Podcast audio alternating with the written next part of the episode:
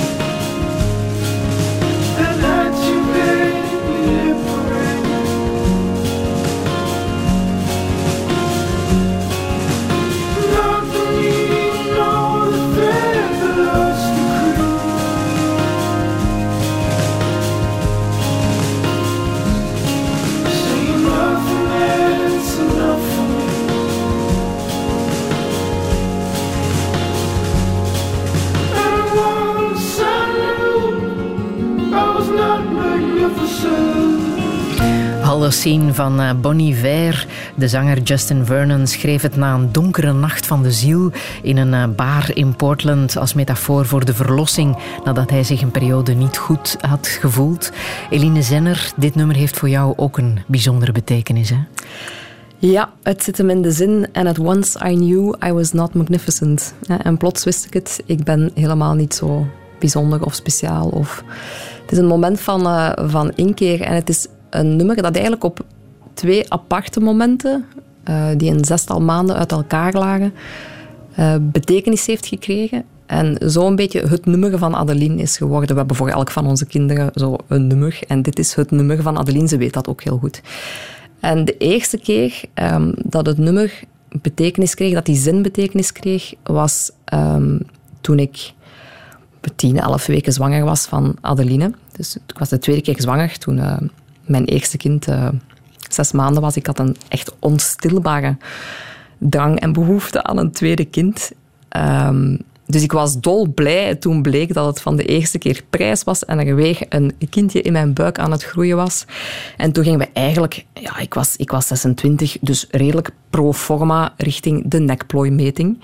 Um, toen ging dat nog zo. Adeline is geboren net voor de, uh, de NIP-test, de niet-invasieve prenatale test. Het is een test die aan de hand van het bloed van de moeder uh, een ja-nee antwoord eigenlijk ongeveer kan geven op de vraag of je uh, foetus trisomie 21 Down-syndroom heeft of, uh, of niet. Maar die test was dus nog niet in omloop toen ik zwanger was van Adeline. En wat ze toen deden was een soort combinatietest die um, uitging van de leeftijd van de moeder. Die keek naar twee hormoonwaarden in het uh, bloed van de moeder en daarnaast ook de nekplooi van de foetus meet. Dat is zo'n soort luchtzakje, denk ik, of een vochtzakje in de nek uh, of aan de nek. En idealiter ligt die uh, heeft die een waarde van ergens onder de 2 centimeter, uh, denk ik. Um, maar die waarde bij ons was 2,3, dus die was licht verhoogd. Um, wat uh, arts duidelijk ook niet zo fantastisch vond, dat die wat hoger was. Hij zei, kijk, dit is niet ideaal. Dit kan wijzen op een, uh, op een, op een probleem, op, op het feit dat er iets aan de hand is. Uh, dus we gaan even een week moeten afwachten tot we de bloedresultaten hebben. En dan gaan die dingen samen een kansberekening geven. En dan weet je de kans die je hebt op een kindje met een beperking met trisomie 21. Um, met Down-syndroom. En die week, eh, ik was toen eigenlijk mijn doctoraat aan het, aan het schrijven. Ik heb dat verdedigd enkele maanden, enkele maanden later.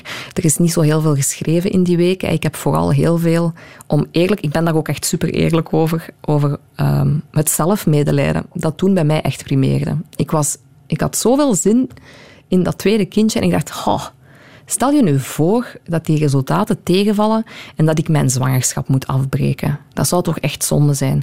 Dat is eigenlijk ook het enige perspectief dat ik die week heb ingenomen.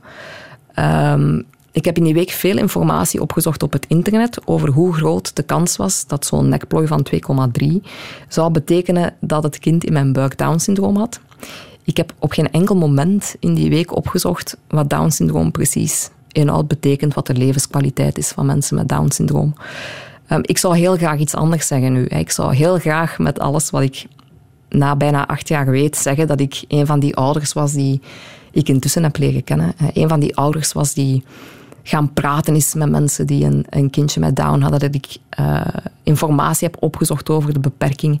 Dat ik langer heb gekeken dan mijn toenmalige op perfectie gerichte neus lang was. Maar ik heb het niet gedaan. Ik heb toen een week vooral veel verdriet gehad over het feit dat ik misschien mijn zwangerschap zou moeten afbreken. En toen in die week heb ik heel veel geluisterd naar het uh, nummer van Bon Iver. Um, omdat mij dat wat steunde in mijn zelfmedelijden. Na die week uh, kregen we dan een uh, verlossend en zeer geruststellend telefoontje dat we één kans op 21.000 hadden dat Adeline zou geboren worden met het syndroom van Down. Dus dat was een soort euforie, een soort ongelooflijke blijheid die we hadden uh, dat alles in orde zou zijn. En daarmee was de kous ook af. Ik had echt geen enkele reden om te denken dat daar ja, 1 op 21.000 is toegegeven, niet 0 op 21.000. Maar je gaat er niet van uit dat het die 1 op 21.000 wordt. Op uh, eh, 30 juni, uh, was een, een zondag, was ik gaan wandelen met mijn zus, die twee kindjes heeft die uh, zo oud zijn als mijn twee oudste kindjes. Dus we hadden er toen allebei één en we waren allebei zwanger. En ik keek haar en ik zei, Katrien, ik ga morgen bevallen. En ze keken naar mij van, nee, ik denk het niet.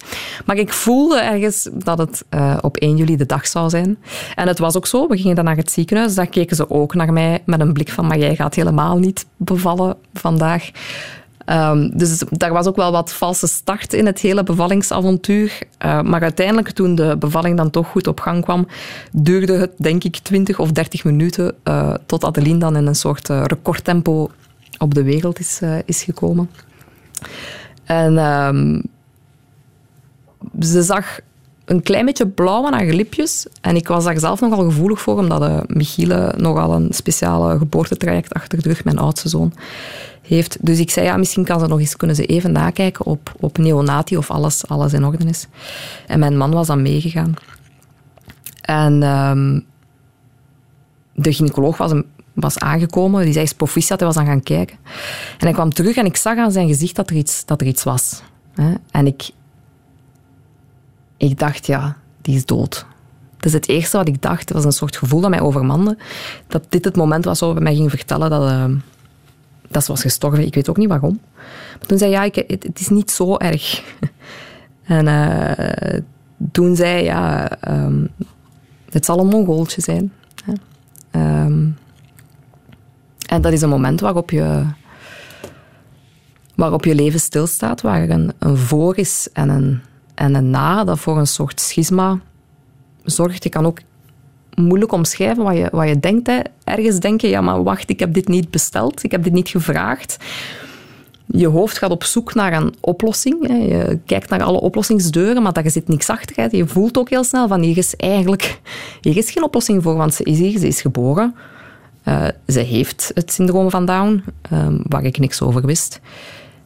En het is toen dat uh, Adeline senior, mijn grootmoeder, uh, met haar kop omhoog gaat achteruit en haar in de wind de eerste keer tot mij kwam, dat je voelt van oké, um, eigenlijk heb je twee keuzes. Hè.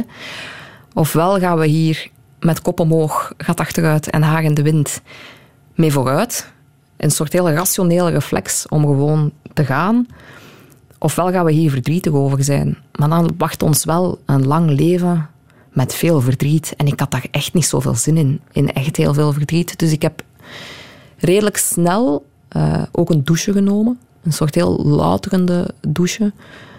Um, die het You Shall Overcome idee uh, versterkt heeft van we gaan ons die gewoon even overzetten. Um, mijn echtgenoot kwam dan binnen, die stond nog op neonati. Ik zag ook aan zijn ogen dat hij uh, het nieuws nog niet had gekregen, dus ik heb het hem dan verteld. En ik zag eigenlijk hetzelfde proces in zijn ogen uh, zich voltrekken. Uh, en ja, natuurlijk hebben we die eerste weken en ook ja, tot, tot lang daarna nog verwerkt wat het nieuws is dat we toen hebben gekregen. Maar we hebben wel zelf snel en ook denk ik echt rationeel die keuze gemaakt van kijk, wij gaan gewoon, gewoon doen waar het kan. Wij gaan kijken wat er lukt. Uh, we gaan de verwachtingen die we hadden uitpakken, maar we gaan wel fier zijn. Er is een moment dat we um, met Adeline op de arm naar de, uh, onze kamer werden gebracht in het ziekenhuis. En dan ga je dus door het ziekenhuis op je bed. En dan lig je daar met je kind met een beperking. waar het ook nog eens goed op het gezicht te zien valt. En ik voelde toen echt het idee van wat gaan we nu doen? Ga ik nu mensen recht in het gezicht kijken en lachen en blij zijn, want ik ben net mama geworden? Of ga ik naar beneden kijken en verdrietig zijn om het kind dat ik heb gekregen, dat niet het kind is waarvan ik dacht dat het zou krijgen. En ik heb het eerste gekozen. Echt vanuit een soort, ja, echt een soort keuze die ik toen heb gemaakt, uh, waarvan ik nu kan zeggen dat het de beste keuze is. De beste keuze is. Absoluut.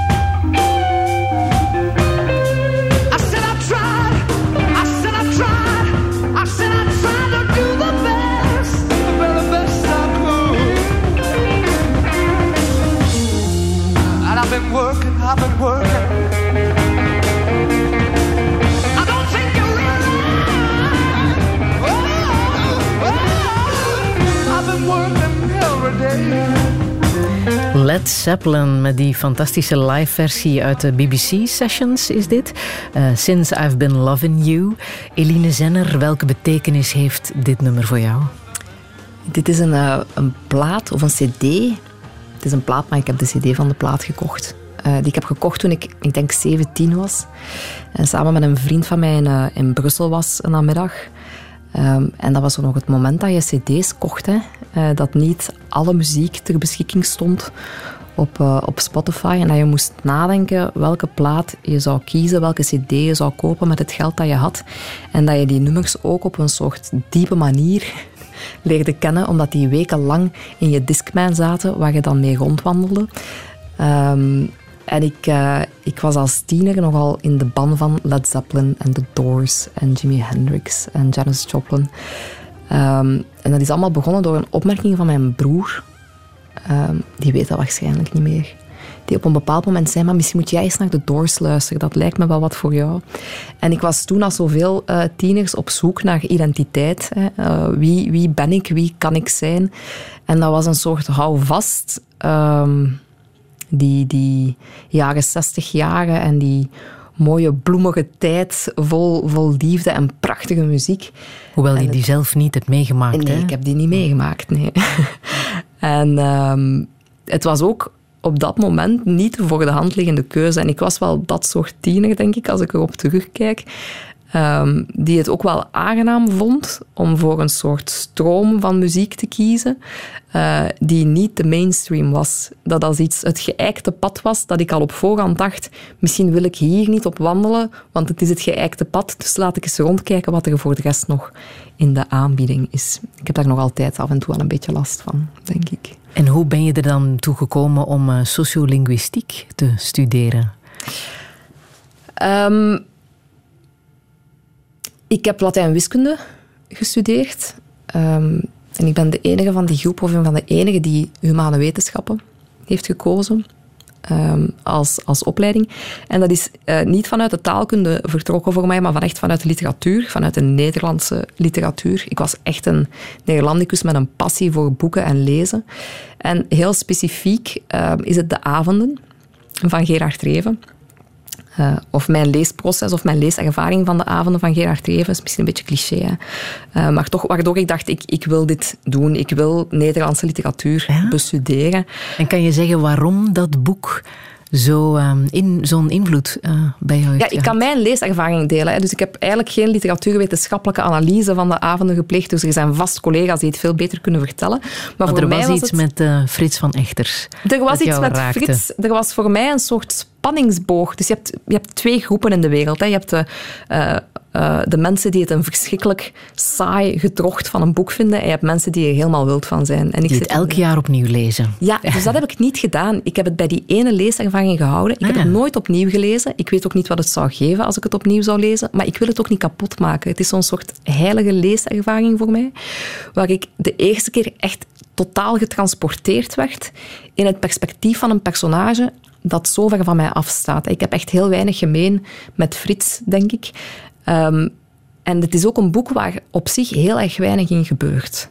Maar waar ja, heel erg weinig in gebeurt. Mhm. Maar waar toch een soort spanningsboog in gecreëerd wordt, waardoor je verder leest en, en de bladzijde omstaat en benieuwd bent, waar gaat dit heen?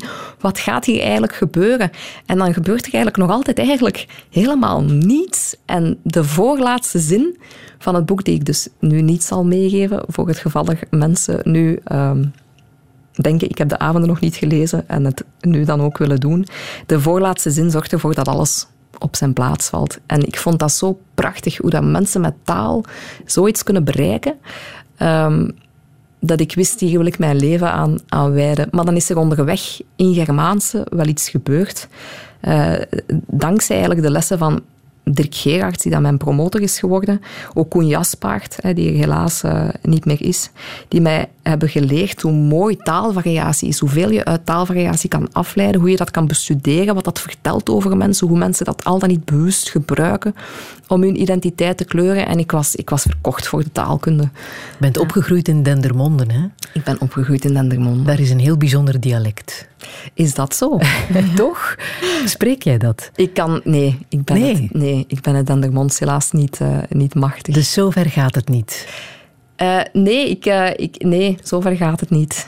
Het is puur het, het Nederlands. Het heeft zelfs in die zin niet veel te maken met de variatie in dialecten? Of? Ik, uh, ik ben geen dialectoloog, uh, nee, strikt genomen. Dus uh, mijn, mijn doctoraatsonderzoek, daarvoor heb ik gekeken naar de invloed van het Engels op het Nederlands. Ja. Um, daar zijn we nog steeds veel mee bezig, ook met de um, doctoraatstudenten nu, om te kijken hoe kinderen in de lagere school. Dus we weten dat kinderen, of tieners echt het Engels vaak gebruiken als, als een manier om hun identiteit te gaan, te gaan kleuren.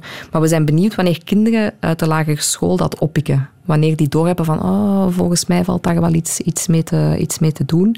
En heb je daar al een uitleg voor? Uh, Hoe het, komt het is te vroeg. Het is te vroeg. Ja. ja, we zijn er nog. En ik wil er ook eigenlijk niet te veel over vertellen. Um, omdat het echt allemaal nog loopt. En hoe meer dat we er nu over vertellen, hoe meer dat we bepaalde dingen wel kunnen beïnvloeden door er te veel over, eh, over te praten. Um, maar nee, ik ben geen dialectoloog. Nee. En voor mijn, voor mijn masterstudie heb ik uh, gekeken naar het gebruik van tussentaal en standaardtaal in Expeditie Robinson. Ja, was ook heel fijn. Ook wel heel interessant, ja. denk ik.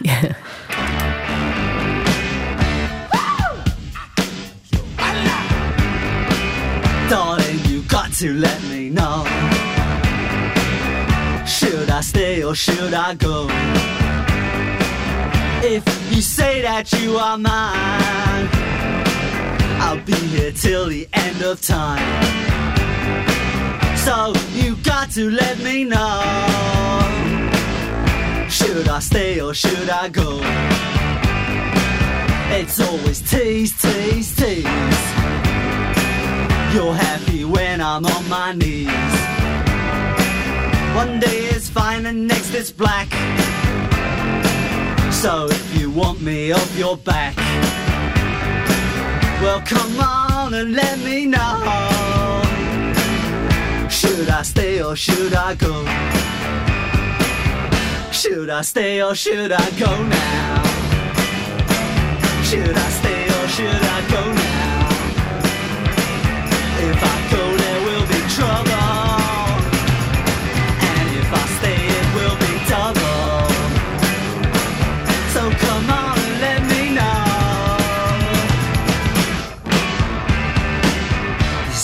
This indecision's bugging me. If you don't want me, set me free. Exactly whom I'm supposed to be. Don't you know which clothes even fit me? Come on and let me know. Should I cool it or should I blow?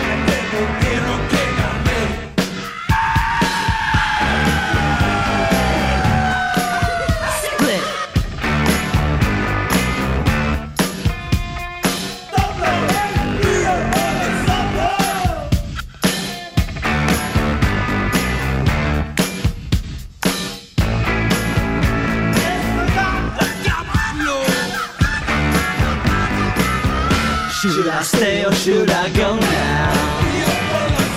Should I stay or should I go now?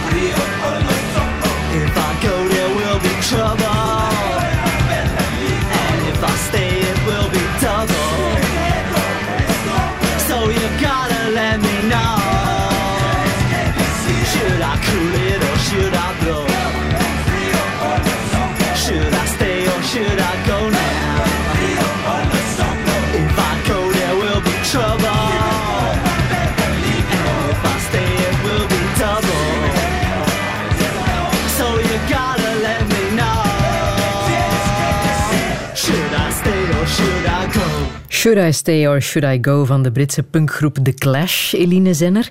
Wat zegt deze muziekkeuze over jou? Uh, weinig over mijn muzieksmaak, want ik ben niet per se zo'n grote uh, punklover, ook niet zo into the clash. Maar uh, het is een nummer dat we ooit verwerkt hebben in een plaatselijke tentoonstelling die ik samen met drie vriendinnen maakte toen ik twintig was, denk ik, aan het einde van ons traject Woord en Drama in het deeltijds kunstonderwijs. En ja, dat is een van die momenten die je natuurlijk wel, wel bijblijven. Uh, maar daarnaast is het een nummer dat in zijn titel, Should I Stay or Should I Go, uh, van de 14 jaar uh, lang onderzoek uitvoeren aan KU Leuven, durf ik toch zeggen dat er 13 jaar twijfel is geweest of dit yeah. mijn... Ja, mijn, uh, mijn pad was, zal ik, zal ik zeggen. Dat is inderdaad heel lang twijfelen. Ja, ik kan ook echt heel goed twijfelen. Ja, dat is gebleken, ja. Maar ja. toch, er is een doctoraat van gekomen en daar heb je zelfs de Kantelprijs voor gekregen als uh, het beste doctoraat in uh, de Nederlandse taal. Um, en die, dat doctoraat um, heb je geopend met woorden van de Portugese dichter Pessoa. Ik weet ja. niet of je ze zelf uit het uh, hoofd kent. Ik, ik heb ze hier wel genoteerd, omdat ze prachtig zijn natuurlijk. Hè. Ik ben niets, ik zal nooit iets zijn, ik kan ook niet iets willen zijn. Afgezien daarvan koester ik alle dromen van de wereld. Die bekende versregels ja. van uh, Fernando Pessoa. Wat betekenen ze voor jou dat ze in jouw doctoraat moesten worden opgenomen? Ze, ze vatten voor mij de twijfel ook wel, ook wel samen. Um, het is een heel bijzonder beroep, hè, uh, vind ik. Uh, het academische apparaat, of daar een deel van uitmaken, die combinatie van onderwijs op, op het niveau uh, van een universiteit, onderzoek uitvoeren, um, academische dienstverlening, al die dingen die samenkomen. Um, en dan zeggen tijdens je doctoraat, oké, dit is wat ik wil doen voor de rest van mijn leven, vereist een soort um, gevoel van entitlement, om het dan eens met een Engels woord te zeggen, waar je zegt, ik, ik kan dit, ik ben hier voldoende uh, in staat om dit, om dit te doen. En ik heb recht op een positie in deze speciale machine. Dat is het enerzijds. En ik denk dat daar die quote van Pessoa wel uh, mooi samenvat, waar ik daar toch al wat mee, mee geworsteld heb. Um, en anderzijds is het eigenlijk net het tegenovergestelde. Um, dat het bijna zo hoort om tijdens je doctoraatsjaren te hopen dat het voor jou zal lukken om te blijven aan de universiteiten. Er zijn veel meer doctoranden dan er posities zijn. Um, maar dat kan ook geen kwaad, omdat er zoveel andere mooie dingen zijn die je als uh, iemand met een doctoraat kan gaan doen in de wereld daarbuiten. Het hoeft niet in het universitaire uh, traject te blijven. En toch zie je vaak dat dat als een soort het is gelukt wordt gepercipieerd wanneer je kan blijven. En als een soort oei, je gaat nu vertrekken wanneer mensen na hun doctoraat niet aan de universiteit blijven. En dat is daar dan toch weer een beetje het idee van de geëikte paden, dat als het pad zo duidelijk geëikt is richting een bepaald einddoel, dat ik vanzelf ga twijfelen um, of ik dat geëikte pad wel zo meteen wil gaan, wil gaan volgen. Um, daarnaast heb ik vooral in mijn geval heel veel getwijfeld of ik uh, geen leerkracht zou gaan worden fulltime. Dus ik geef nu les, hè, als zogezegd 50% van mijn uh, tijdsbesteding. Maar ik geef ontzettend graag les. Ik vind dat ook echt een voorrecht om, om jonge mensen te mogen... Uh, dingen bijleren. Dus daar heb ik lang getwijfeld van wil ik niet al mijn aandacht op het, op het onderwijs richten, hoewel ik ook heel graag onderzoek uh, doe. En dan tot slot natuurlijk in 2013, toen mijn doctoraat net was ingediend en afgewerkt, um, is Adeline geboren. Hij was mijn tweede kind. Ik had twee jonge kleine kinderen. Dat is net het moment dat je met postdoctorale aanvragen begint te rommelen en zo. En dan heb je wel degelijk ook de vraag naar de combinatie van zorg, leven, werk. en of dat wel kan. Dus het is ook weer een, een kluwen van allerlei overwegingen geweest, ehm, waar ik mezelf wat in heb moeten leren navigeren. Ehm, Maar is jouw, ehm, ja, jouw academische leven op een of andere manier ook nuttig om meer te weten te komen of ja, misschien zelfs aan te sturen op onderzoek naar het syndroom van Down, waar Adeline eh aan Ja, dat is op, op een van die momenten waar ik eh, toch weer aan het twijfelen ging. Voor alle duidelijkheid, ik doe mijn job ontzettend graag. Hè. Ik ben ook heel blij dat ik mijn job kan doen. Ehm, maar eh, op een van die momenten dacht ik, misschien moet ik mijn, mijn leven ook wijden aan onderzoek naar Down-syndroom. Misschien is dat de, de oplossing. Ben ik met een orthopedagoog gaan praten, ook aan, aan KU Leuven. was een heel goed gesprek. Ehm, En hoe ver sta je daar ondertussen in? Wel, Want ik je heb- hebt inderdaad wel al stappen genomen, hè? onder andere over de NIP-test bijvoorbeeld. Ik heb wel gekozen om niet mijn, al mijn tijd aan onderzoek naar het syndroom van Down te wijden, maar te kijken hoe ik inderdaad vanuit mijn persoonlijke ervaring die brug ergens kan slaan. En dan is voor mij die persoonlijke ervaring toch wat ik hier net vertelde over de NIP-test, die er bij ons niet was. En het contrast tussen ehm, mijn twijfelweek en hoe ik daar helemaal geen informatie heb opgezocht. En met wat ik nu weet over het leven met een kind met het syndroom van Down, en Adeline in het bijzonder. Ehm, en daar zat ik dan toch met een ei. Hè, dat ik dacht, die NIP-test komt nu, je kan sneller, eh, eh, veiliger, eh, met meer zekerheid gaan die bestaat kijken. sinds 2017. Sinds hè? 2017. Voor de duidelijkheid, en die wordt gratis aangeboden. Ja, inderdaad. En je merkt daar, die wordt gratis aangeboden. En in heel die communicatie was er voor mij zo wat een gebrek aan aandacht voor counseling, voor communicatie over die NIP-test. Hoe ga je die aanbrengen? Hoe ga, hoe ga je die introduceren? Hoe ga je verzekeren dat ouders echt zelf een geïnformeerde keuze kunnen maken. Enerzijds of ze willen testen of niet. En anderzijds, als ze kiezen om te testen, wat ze met de uitkomst van die test gaan doen. Stel nu dat jij die kans had gehad. Die is er niet geweest, hè, want Adeline is geboren in 2013. De NIP-test bestond toen nog niet.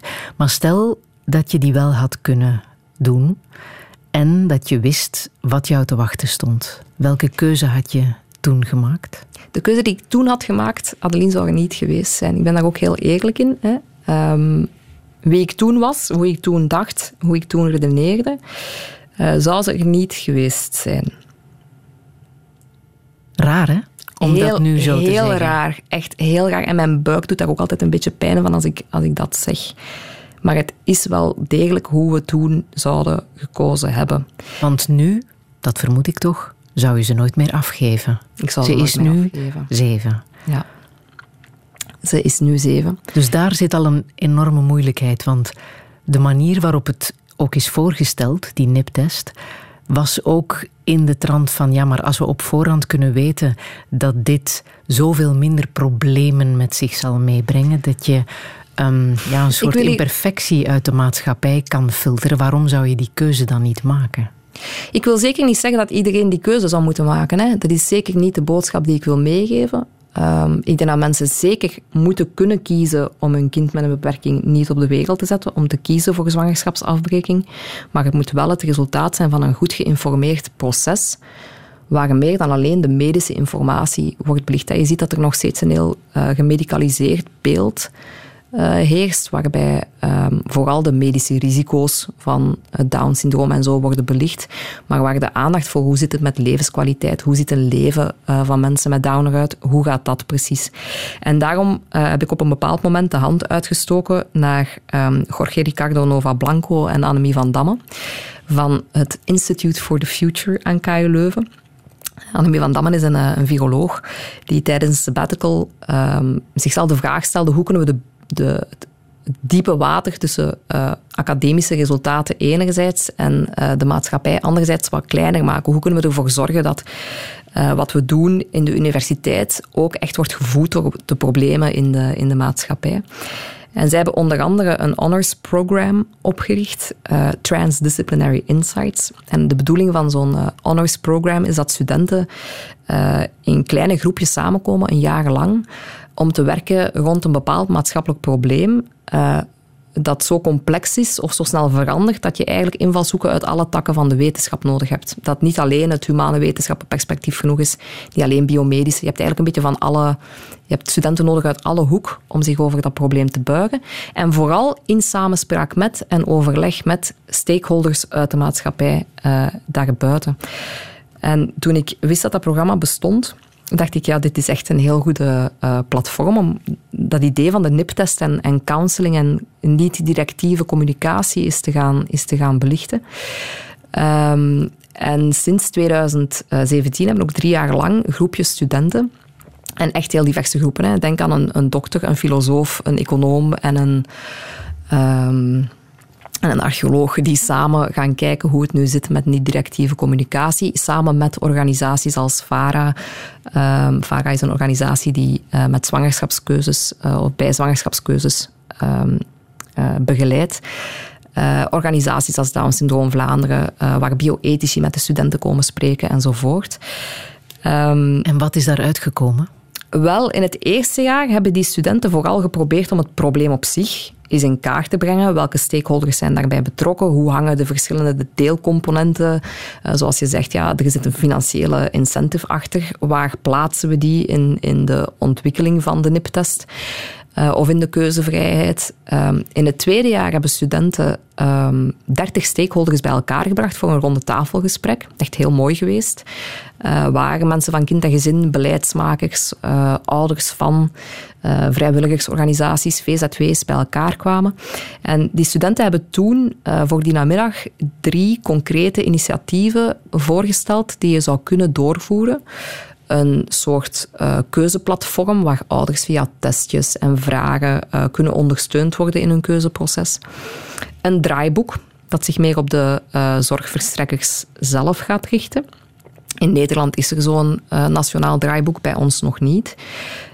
of een platform waar je getuigenissen van ouders bij elkaar brengt. Ouders met een kind met Down-syndroom, maar evengoed getuigenissen van ouders die gekozen hebben voor een zwangerschapsafbreking. Um, en je voelde dat er uh, ten eerste heel open is gesproken door de stakeholders op die namiddag, uh, wat heel mooi was om te zien. Maar daarnaast had vooral het idee van een draaiboek wel uh, wat draagvlak bleek te hebben. Het is er nog niet, maar, uh, maar goed. Maar als er inderdaad gezegd wordt, een genetische aandoening zoals het Down-syndroom, dat kost de samenleving veel geld, dus is er nu die NIP-test, dan klinkt daar ook een waardeoordeel in door. Hè? Ja, en ik denk dat dat een belangrijk punt is um, waar we met het project met die studenten de eerste drie jaar vooral ingezet hebben op die niet-directieve communicatie. Dus dat je als ouder niet gestuurd mag worden in de keuze. In de communicatie van de mensen rond jou op het moment dat je die test aflegt, is er natuurlijk nog iets anders dat die keuze kan sturen. En dat is hoe je kind wordt ontvangen in de maatschappij als je ervoor kiest om het te houden.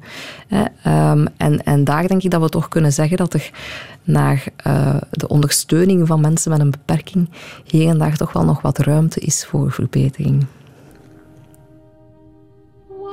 This day be like? I wonder, what will my future be? I wonder, it could be so exciting to be out in the world, to be free. My heart should be wildly rejoicing. Oh, what's the matter? With me. I've always longed for adventure, to do the things I've never dared. Now here I'm facing adventure, then why am I so scared? Captain with seven children, what's so fearsome about that? Oh, I must stop these doubts, all these worries. If I don't, I just know I'll turn back. I must dream of the things I am seeking. I am seeking the courage I lack. The courage to serve them with reliance. Face my mistakes without defiance. Show them I'm worthy, and while I show them,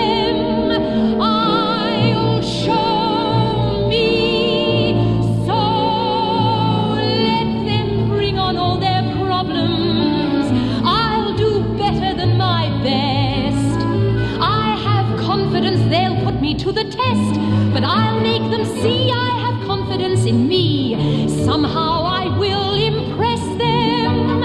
I will be firm but kind. And all those children, heaven bless them, they will look up to me and mind me with each step I am more certain. Everything will turn out fine. I have confidence the world can all be mine. They'll have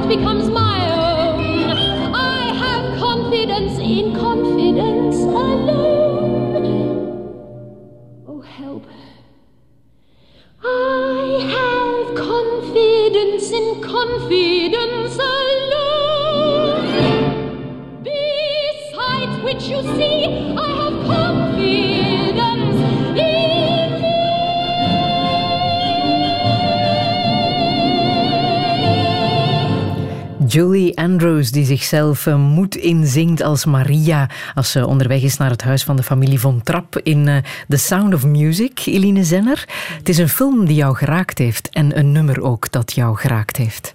Ja, ja, misschien een heel korte film. Ik denk dat het een beetje hetzelfde is als, als met eh, Led Zeppelin. Andere fase van mijn leven, weliswaar. Ehm, ik ben nog net van de generatie van de videocassettes.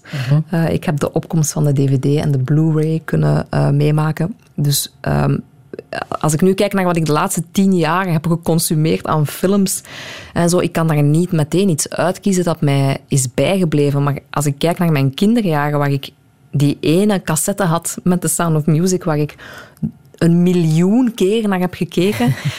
Letterlijk denk ik een miljoen keer. Ik denk dat er een zomer is geweest waar mijn jongste zus en ik elke dag minstens één keer naar The Sound of Music keken. Tot het punt ehm, dat mijn broer, die tien jaar ouder is, ehm, de eh, radio heeft gekoppeld aan de tv, zodat hij een cassetje kon opnemen waar dan de muziek op stond. Eh, en we dus heel hard hebben meegezongen. Ehm, ja, mijn moeder heet ook Maria op haar identiteitskaart. Ze wordt eh, nooit zo eh, genoemd.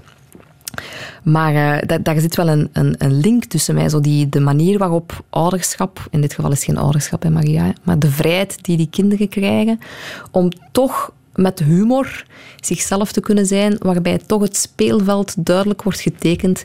Ehm, ik herken mijn moeder daar wel in. En dan ja, dat ene nummer, hè, I have confidence in me, op een moment dat de moed haar eigenlijk in de schoenen zingt. Ik, ik durf het nummer wel opzetten wanneer er een, eh, een berg voor me staat.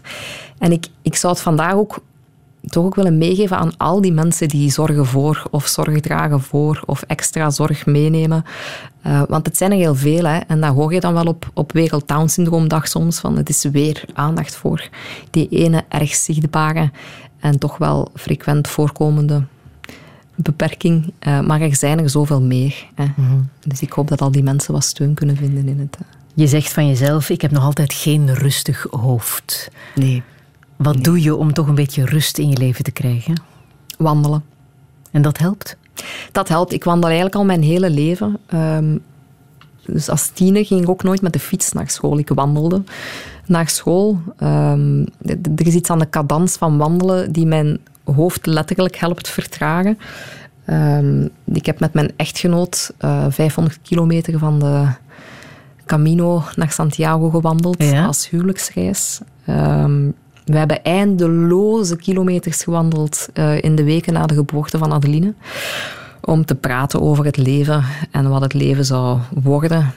En daar eigenlijk de, de koffer van de verwachtingen en de dromen leeg te maken. En vooral niet opnieuw op te vullen. Dit- Je kan dat vergelijken letterlijk met het koffertje bij de geboorte. Hè, dat je thuis opvult met pyjamatjes en dekentjes. Nadenkend over wat het leven zal, zal zijn. En dat hebben we eigenlijk allemaal uitgepakt. tijdens die wandelingen. Alles eruit gelegd waarvan we dachten, dit is hoe het zal lopen. En ik denk dat een van de grote bevrijdingen van Adeline is geweest om ehm, onszelf tegen te houden om niet opnieuw te gaan vullen. Om niet te zeggen, ons leven zal nu zo, of ons leven zal nu zus, of dit betekent dat. We zien het wel. We zien morgen Leven wel zonder verwachtingen. een leven zonder verwachtingen en we zien morgen wel wat, wat morgen geeft. Helpt slapen om jou rustig te krijgen. Oh ja. Dat is iets wat je wel goed kan. Ehm, ik ben een redelijk lichte slaper, maar ik kan doorgaans echt heel goed slapen. En ik hou ook heel veel van, van slapen. En je voelt dat dat soms toch ook in deze maatschappij en haar tempo, dat er toch veel mensen rond mij lijken te zijn die weinig slapen. Ehm, En is dat de reden waarom je dat boek van eh, Matthew Walker hebt gelezen, Why We Sleep? Ja, Why We Sleep. Inderdaad, ik dacht, ik moet hier naar luisteren. Dit gaat mijn hart onder de riem steken voor mijn, eh, voor mijn slaap. En het is ook zo, hè. slaap is iets waar je geen compromissen mee kan sluiten. Dat blijkt uit het boek. We hebben eigenlijk allemaal 7,5 à 8 uur slaap nodig. Je kan slaap niet inhalen en... ehm, het is eigenlijk best nadelig om een slaapgebrek op te stapelen. Ik snap ook dat dat voor mensen die een slaapprobleem hebben ook weer voor een soort stress zorgt. Maar tegelijkertijd kan het ook een soort rust geven dat het oké is om je over te geven aan slaap. Omdat slaap ook echt zorgt voor consolidering van ideeën. Ik vind dat je echt... Ik kan wakker worden na goede slaap, waarbij dingen plots op hun plaats vallen. Of waar je terugdenkt aan een mail die je twee weken geleden hebt gestuurd, waar je iets bent vergeten vermelden. En ik vind het echt magisch hoe slaap op dat vlak kan werken. En het heeft jouw schuldgevoel weggenomen. Voilà. Over te veel slapen of graag slapen. Want eh, dat kan ook natuurlijk. Hè. Ik vraag mij af... uren. eh, deze muziek moet daar zeker bij helpen. Eh, muziek van Erik Satie, Gnossien, wat ook op jouw absolute favoriete lijstje staat. Wat doet deze muziek met jou? effectief ook wel voor rust zorgen. Ja, en ehm, er is een museum voor Satie in Honfleur, Waar hij is geboren, hè? ja, waar ik ooit was, eh, met mijn man nog voor we kinderen hadden. En ja, mijn hoofd kwam daar effectief niet echt tot rust, maar dan zijn we naar dat museum geweest. En het is een soort ervaringsgericht museum, een belevingsmuseum, waar onder andere een gigantische, zwevende, belichte peer hangt. Met vleugeltjes, denk ik, als ik het mij goed herinner. En daar speelt eh, dit nummer. En dat is een heel eigenaardige ervaring, om naar die peer te kijken, die daar wat rustig hangt te zweven. Ja.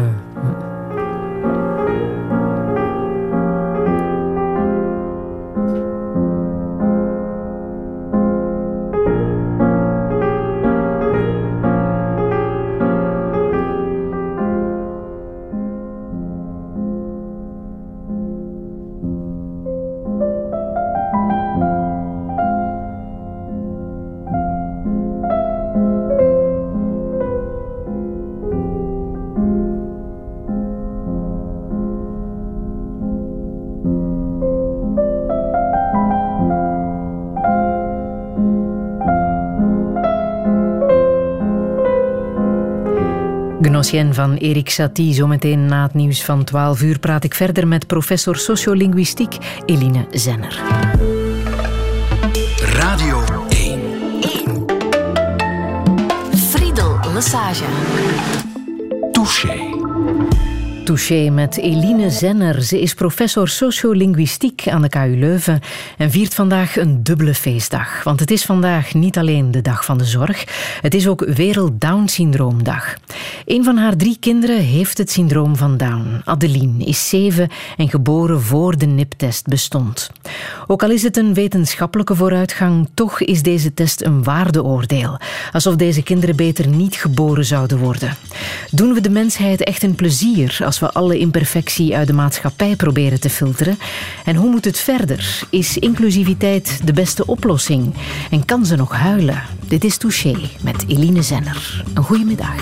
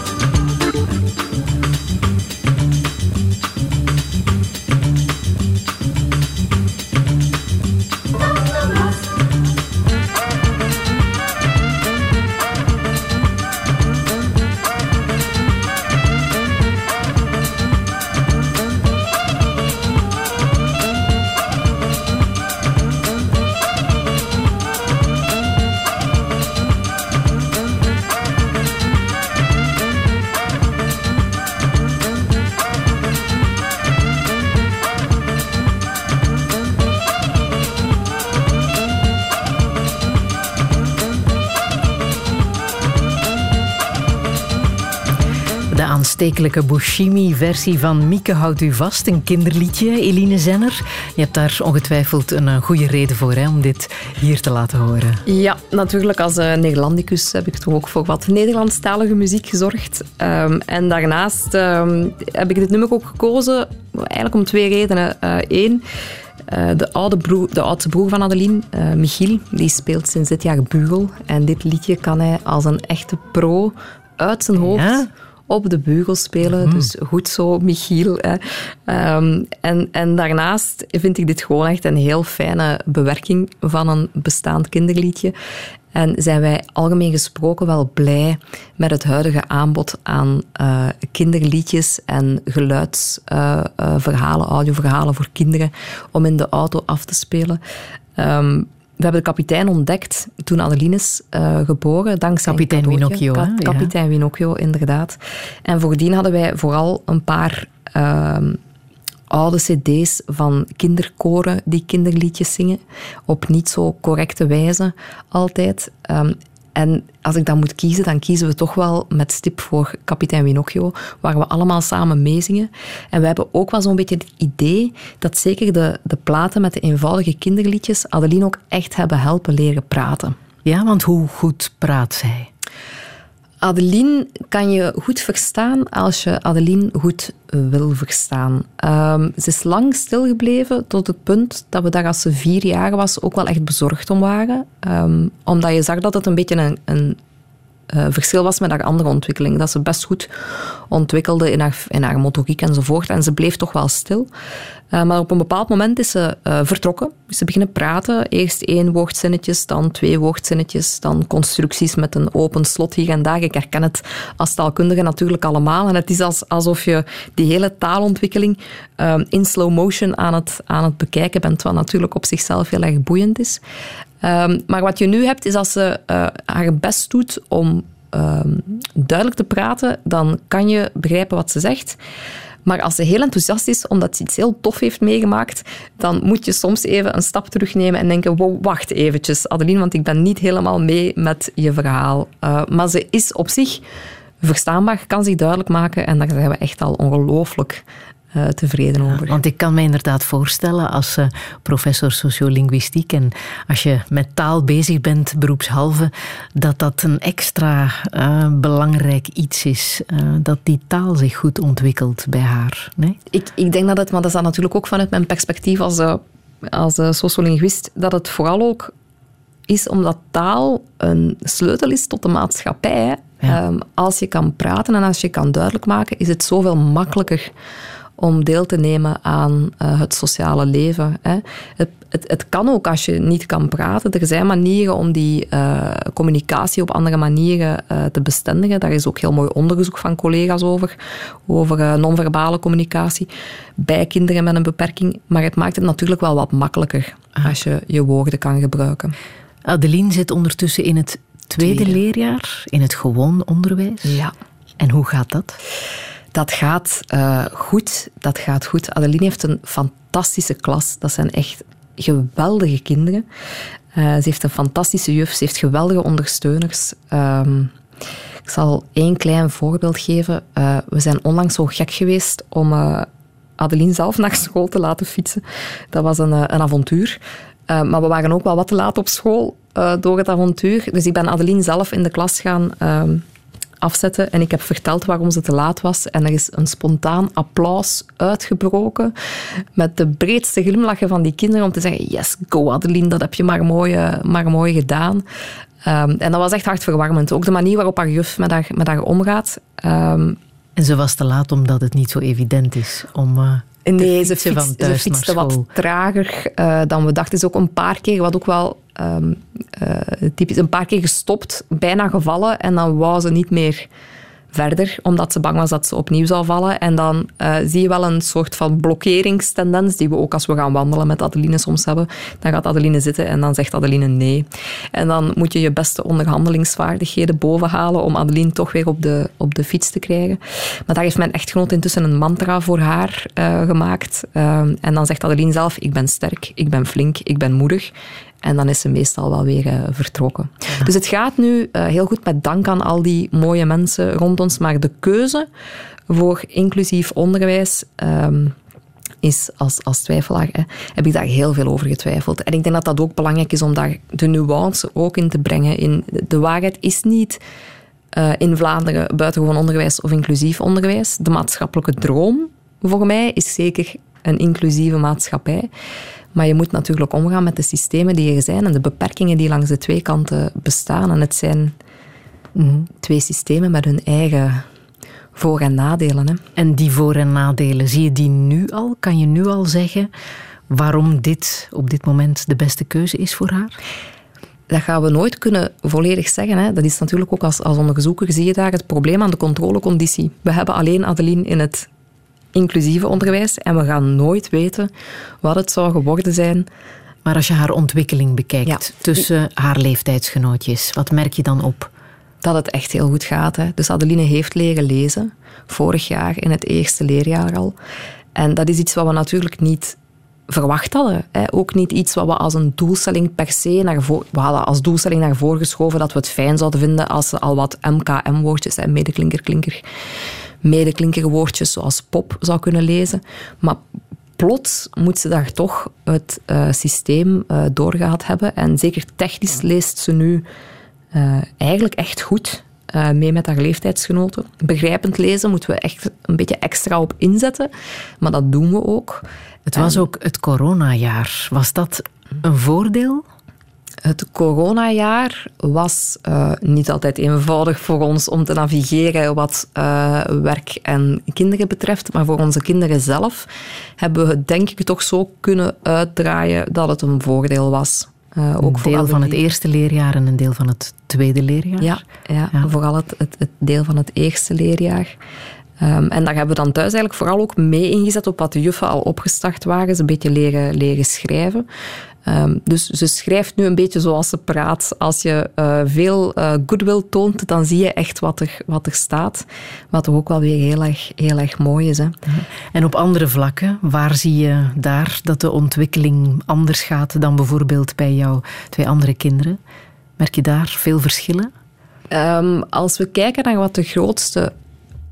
Kijk, ik denk de, de vergelijking van Adeline met haar broers, eigenlijk maken wij die niet. En ik denk dat dat ook een van de dingen is die we herkennen aan mensen die echt met ons mee op reis gaan. Dat zijn de mensen die Adeline mee aan tafel laten schuiven, zonder dat ze per se de vergelijking gaan maken.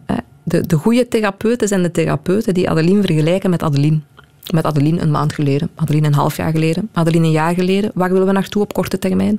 Maar waar we net niet die vergelijking gaan maken met als je Adeline vergelijkt met de kindjes uit de klas, met andere kindjes met Down die we kennen. Met, dat doen we niet. We kijken naar Adeline vergeleken met Adeline. Ja. Down is nog altijd een syndroom. Er is nog altijd weinig over geweten, maar de onderzoeken blijven wel lopen.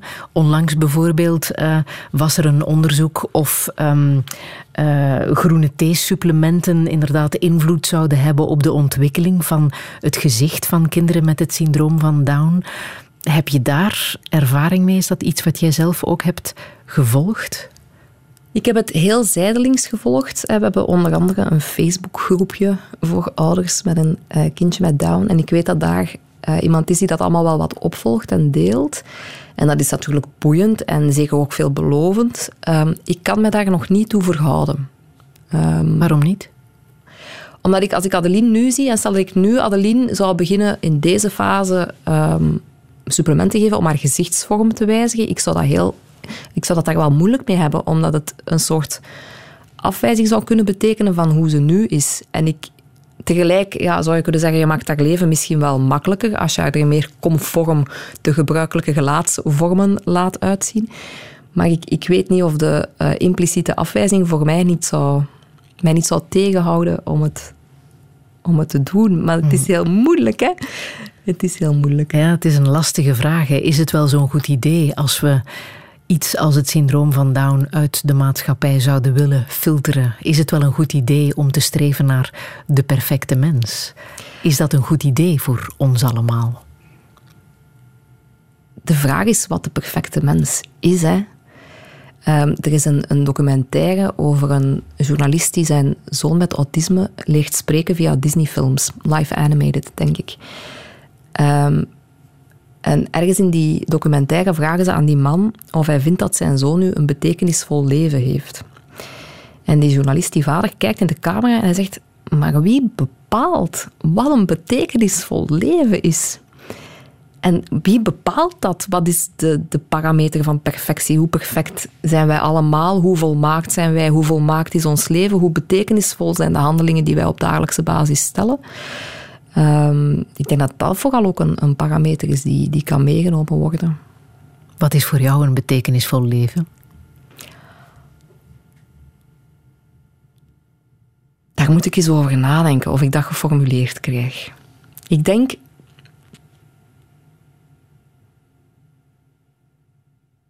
Goh. Als we allemaal ons best doen om zo de beste versie te zijn van onszelf die we kunnen zijn. En als we net zoals we Adeline vergelijken met de Adeline van zes maanden geleden, en we denken, oké Adeline, flink bezig. Als we onszelf vergelijken met de zelf van zes maanden geleden, en je zegt, oké, vooruitgang en we hebben iets kunnen bijdragen, meer dan zes maanden geleden, lijkt me dat misschien een... Maar ook die, ook die definitie is ongetwijfeld te beperkt. Het is een poging in elk geval.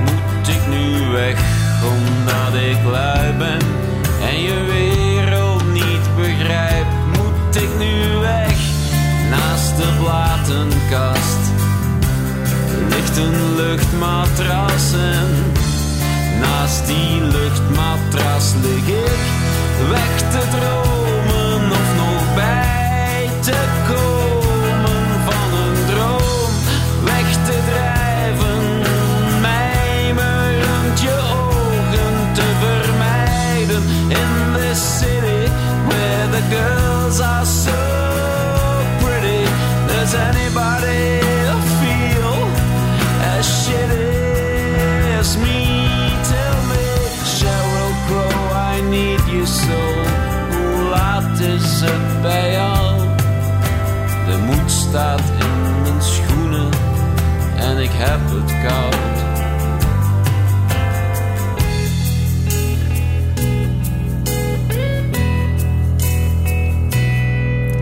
Het is een paar uur vroeger hè, bij Sheryl Crow. I Need You So, dit nummer van eh, De Mens. Eline Zenner, vele redenen dacht ik hè, om dit nummer te laten horen. Ja, natuurlijk ook weer toch een Nederlandstalig nummer, maar een Nederlandstalig nummer met toch wat Engelstalige zinnen in verwerkt, wat mij dan natuurlijk heel dicht bij ehm, mijn onderzoeksfocus brengt. Hè, de invloed van het Engels op het Nederlands, waar ik toch al 13 jaar eh, mijn blik op heb eh, gelegd. Ehm, en daarnaast is het een... ehm, zo, ik vind het echt een uitstekende tearjerker. Zo'n nummer waarbij je eens goed kan gaan huilen. En ik herinner mij ook dat ik op een eh, fijne eh, dag als tiener... Ik had geen aanleiding. Ik had gewoon zin om te wenen, zoals je, denk ik, als tiener eens goed kan wenen. En ik heb dat ook gedaan. Dat nummer stond op repeat en dat was heel bevrijdend om, om dat te doen. Ehm, en ik, ik mis dat soms. En ik denk dat dat een beetje bij het eh, idee van zelfzorg voor mensen die zorgen dragen eh, hoort. Ehm, is dat je zoveel bezig bent dat je soms eh, misschien eens vergeet om stil te staan bij je eigen verwekkingsproces toch? Hè? Want hoe hard je ook kan zeggen, ehm, we zijn dol op Adeline, dat is ook echt zo. Maar je, je blijft wel iets meegemaakt hebben in je leven, dat je leven op een bepaald moment op zijn kop heeft gezet. En ik weet niet altijd of we daar... ehm, of hoe die verwerking is, is, is gelopen. Ik denk dat we daar veel tijd voor hebben gemaakt. Maar ik ben eh, een, een jaar of zo geleden eh, met de yoga begonnen. En na die eerste keren was het echt alsof er plots een soort potje van verdriet ehm, kon opengaan, dat ik duidelijk ergens goed had weggestopt. En heb je daar een verklaring voor gevonden? Hoe het komt dat je dat gevoel hebt geblokkeerd op een of andere manier? Ik weet niet of ik het heb geblokkeerd. Ik denk gewoon dat ik het geen prioriteit heb gegeven. Ehm, en dat ik eigenlijk ook nog steeds niet bereid ben om het prioriteit te geven, omdat het geen prioriteit heeft. Hè, het, het geluk primeert op het verdriet. Ehm, maar ik, ik weet wel dat het er is. En laten we zeggen dat ik dus wel af en toe tijd maak om er eh, mee om te gaan. Huilt Adeline makkelijk? Nee, Adeline kan wel boos eh, zijn. Adeline is... eh, ehm, dat heet dan in de therapie, daarmee heet dat zelfbepalend. Dus Adeline kiest graag zelf wat ze doet. En als ze eh, bij som, soms niet mag kiezen wat ze zelf doet, zoals dat gaat, dan kan ze daar wel duidelijk haar mening over, eh, over ventileren. Eh, thuis door ons kaas te noemen. Papa, jij bent de kaas. En we weten nog altijd niet goed waarom kaas het woord Ja. is dat ze verkiest. om maar, eh, of saai, dat weten jullie ook heel goed, als Adeline iets gevraagd wordt om te doen waar ze niet meteen zin heeft van, saai! Ehm, en ehm, een andere manier die Adeline verkiest om haar eh, emoties te uiten, is te gaan zitten. Dus eh, zoals gezegd, we zijn echte wandelaars. We gaan echt veel wandelen. Ehm, Adeline gaat mee. eh, wandelt toch ook al mee op tochten van 9 kilometer. Maar daar moet je geduld hebben en ehm, veel overtuigingskracht. Want dus soms vindt Adeline dat het genoeg is geweest met wandelen en dan gaat ze op de grond zitten. En dan moet je En dan ja, ja, het gesprek aangaan. het gesprek aangaan. Haar overtuigen. Ja, en haar overtuigen. Want het is inderdaad zo dat de zintuigen echt op scherp staan hè, bij eh, mensen met het syndroom van Down. Ja, inderdaad. Ze kan ook plots vinden dat iets te luid is. En dan, als we aan het stofzuigen zijn in de keuken, ehm, dan eh, kan ze de deur komen dichtgooien van de keuken omdat zij naar tv aan het kijken is. Dan stoort het haar immens dat wij aan het stofzuigen zijn. Maar ook in de, in de, in de gunstige zin. Hè. Ehm, als ik Adeline over haar rug wrijf, dan wrijft ze altijd terug. En ik vind dat een van die kleine geneugtes van Adeline in mijn leven hebben, is dat je weet, als je haar een beetje liefde geeft en je wrijft op haar rug, dan krijg je het onmiddellijk, onmiddellijk terug. En dat is niet zo bij je andere kinderen. Nee, ja, die knuffelen natuurlijk ook en zo, hè, maar er is toch een... eh, Ja, de wederkerigheid is toch op een of andere manier anders ingevuld. Ah, Het is voor jou toch ook een, een meerwaarde, denk ik, om op die manier anders naar eh, een mens te kijken. En zij geeft jou iets waarvan je niet wist dat je dit zou krijgen. Ze heeft mijn mensbeeld radicaal gewijzigd. Echt radicaal. Ik ben echt een ander persoon geworden door Adeline op de wereld te zetten. En vandaar denk ik soms ook van, eigenlijk is het een soort schisma. Eigenlijk is er een voor Adeline en er is een na Adeline. Terwijl het ondertussen zo diep in onze ziel zit geworteld om met haar op reis te gaan en die visie te hebben, dat we ons eigenlijk niet meer kunnen voorstellen dat er een leven is geweest waar ze niet bij ons hoorde. Ehm, en dat zie je ook in de rest van de familie. Hè. Er is echt een, als dat niet net was geboren, dachten we, oh nee, arme Michiel, nu heeft hij voor altijd een zus met een beperking. Maar zo werkt het niet. Dat is gewoon een, een, een team van... ehm, ja, we zijn een team. Mhm. Kijken jullie naar eh, Down the Road, het programma van Dieter Koppes en zijn vrienden? Wij hebben zeker de eerste seizoenen trouw gekeken. En eh, nu kan ik niet zeggen dat we elke aflevering gezien hebben, ehm, omdat we eigenlijk gewoon niet altijd zoveel tv kijken. Voor veel mensen was het een eye-opener, maar hoe ja, hebben jullie daarnaar gekeken?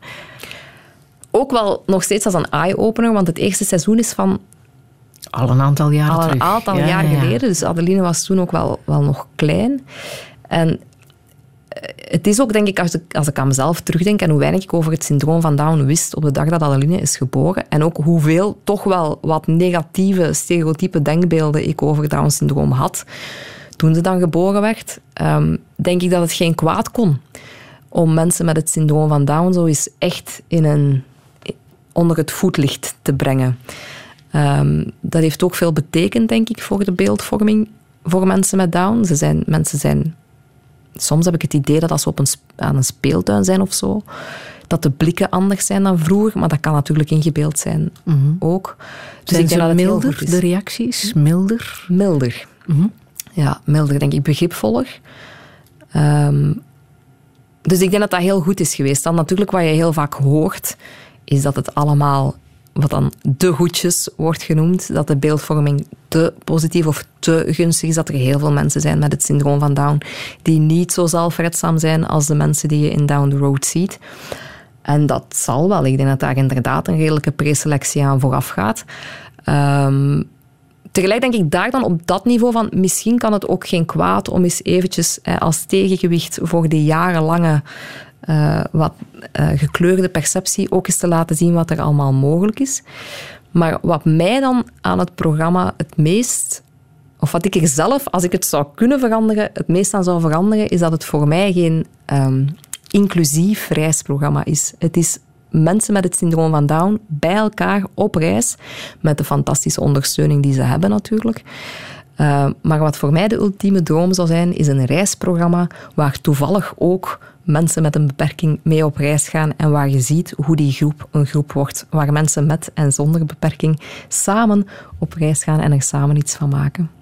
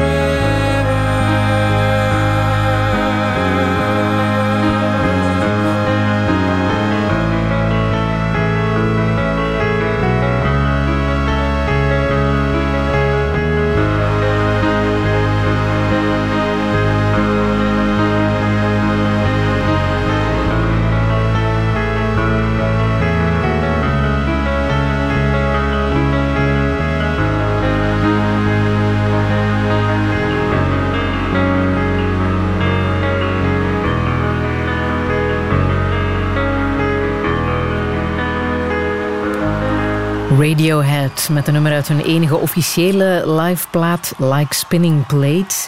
Eline Zenner, ook alweer een nummer met een eh, bijzondere betekenis voor jou. Ja, het eh, begint bij Karel, mijn eh, echtgenoot. En het zal uiteindelijk, denk ik, terugkomen bij Karel.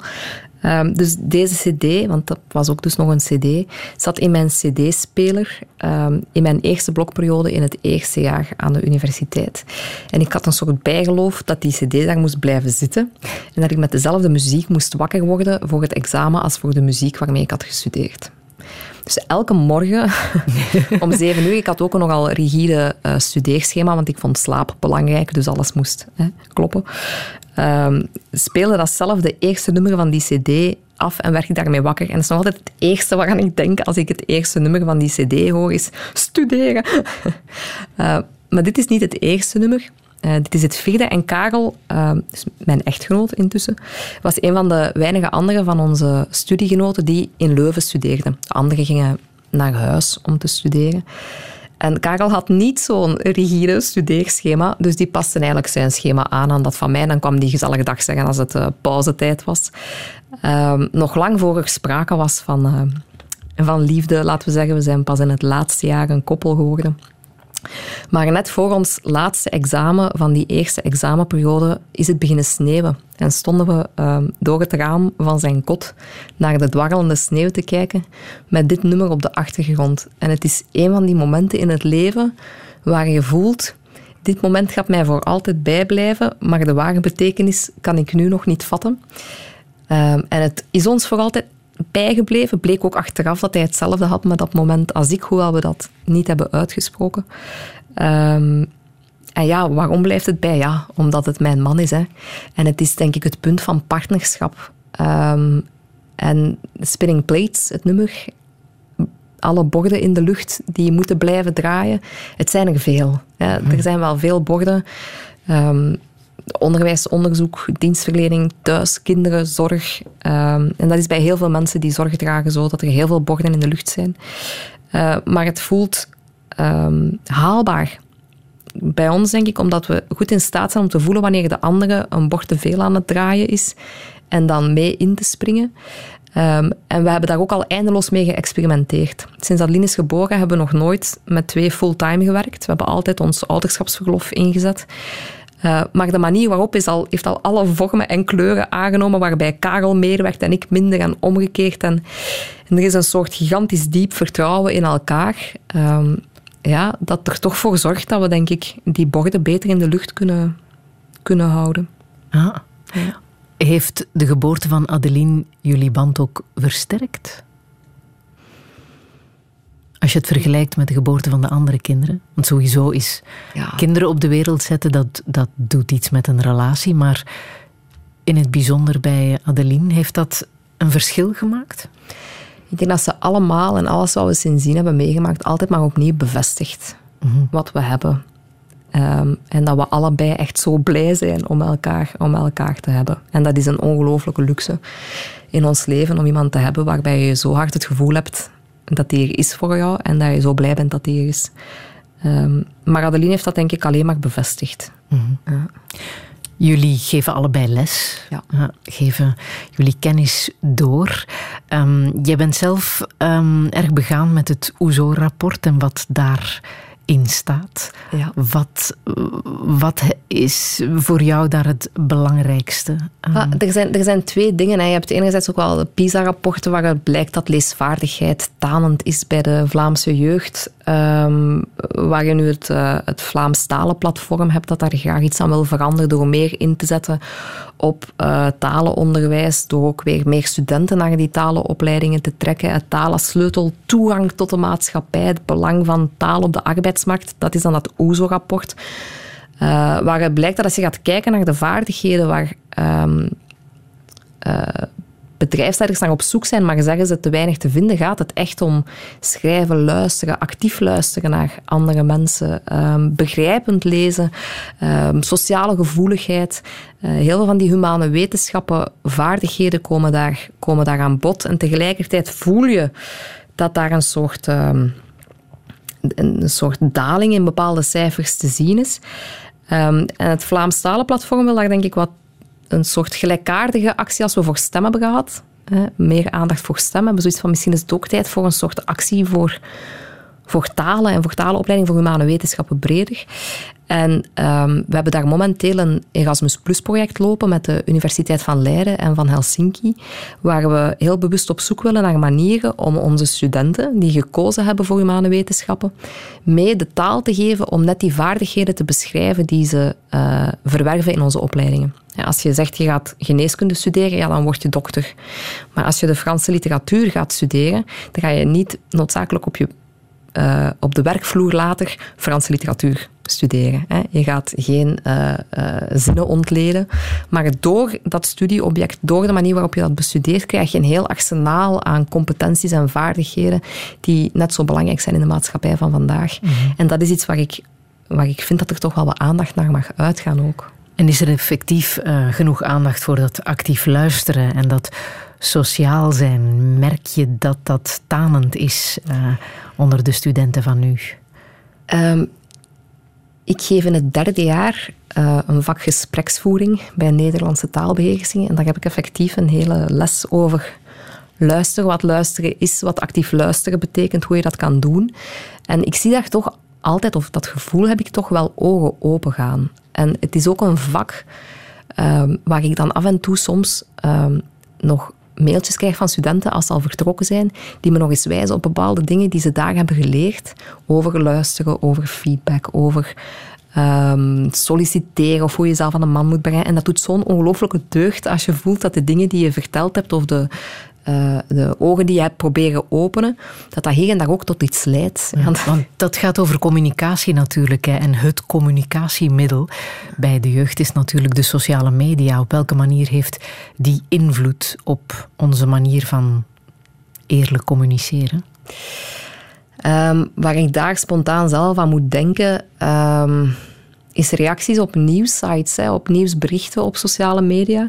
Ik, ik ben daar altijd ontzettend van geraakt als ik zie hoe mensen tegen elkaar praten op sociale media bij zo'n nieuwsitems, hoe snel binnen de x-aantal berichten er twee duidelijke kampen zijn die lijnrecht lijken tegenover elkaar staan en waar mensen vergeten dat de boodschap die ze sturen ook een ontvanger heeft. Dat die wordt gelezen. En als je daar dan voorbij gaat aan het kunnen innemen van het perspectief van de ander, dat die boodschap eigenlijk al op voorhand is verzand.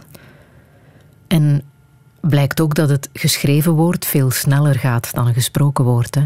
Ja, effectief. Ja. De negatieve boodschap staat sneller op papier dan dat die woordelijk tegen de persoon in kwestie wordt gezegd. Ja, dat zou best wel kunnen.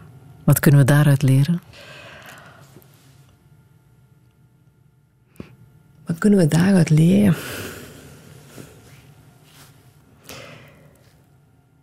Ik denk wat ik hier net zei eigenlijk, hè, is dat je hoopt dat mensen niet vergeten dat wanneer je een boodschap zendt, dat die een ontvanger heeft. Mm -hmm. En ik heb het gevoel dat mensen dat soms vergeten. Ja. Dat de woorden die ze de wereld insturen worden gelezen en dat de persoon die je boodschap leest ook een mens van vlees en bloed is met zijn eigen ervaringen en zijn eigen referentiekader. En dat daar de nuance wel onze beste vriend kan zijn. Om wat genuanceerder onze punten te maken, dat die dan misschien wel wat sneller gehoord zullen worden. Of Helpt ontvangen zullen om, worden. Ja, ja. om wat je schrijft ook te proberen te zeggen. Ja. En te voelen hoe dat aankomt. Ja. ja. The baker had Simone, and everybody saw that she could do the job. The lawyer went to the baker and saw Simone at work. The lawyer hired John because the baker hired Simone. The baker hired Simone. The dentist went to the lawyer and saw John at work. The dentist hired Sophia because the lawyer hired John because the baker had Simone. The baker had Simone. To the dentist and saw Sophia at work. The farmer had Kate because the dentist had Sophia because the lawyer had John because the baker had Simone. The baker had Simone. The farmer went to the farmer and saw Kate at work. The barber had Paul because the farmer had Kate because the dentist had Sophia because the lawyer had John because the baker had Simone. The baker had Simone. The baker went to the barber. And saw Paul at work. He didn't have a clue, but it was thanks to his first move that the barber had Paul because the farmer had Kate because the dentist had Sophia because the lawyer had John because the baker had Simone, the baker had Simone, the baker. Yeah,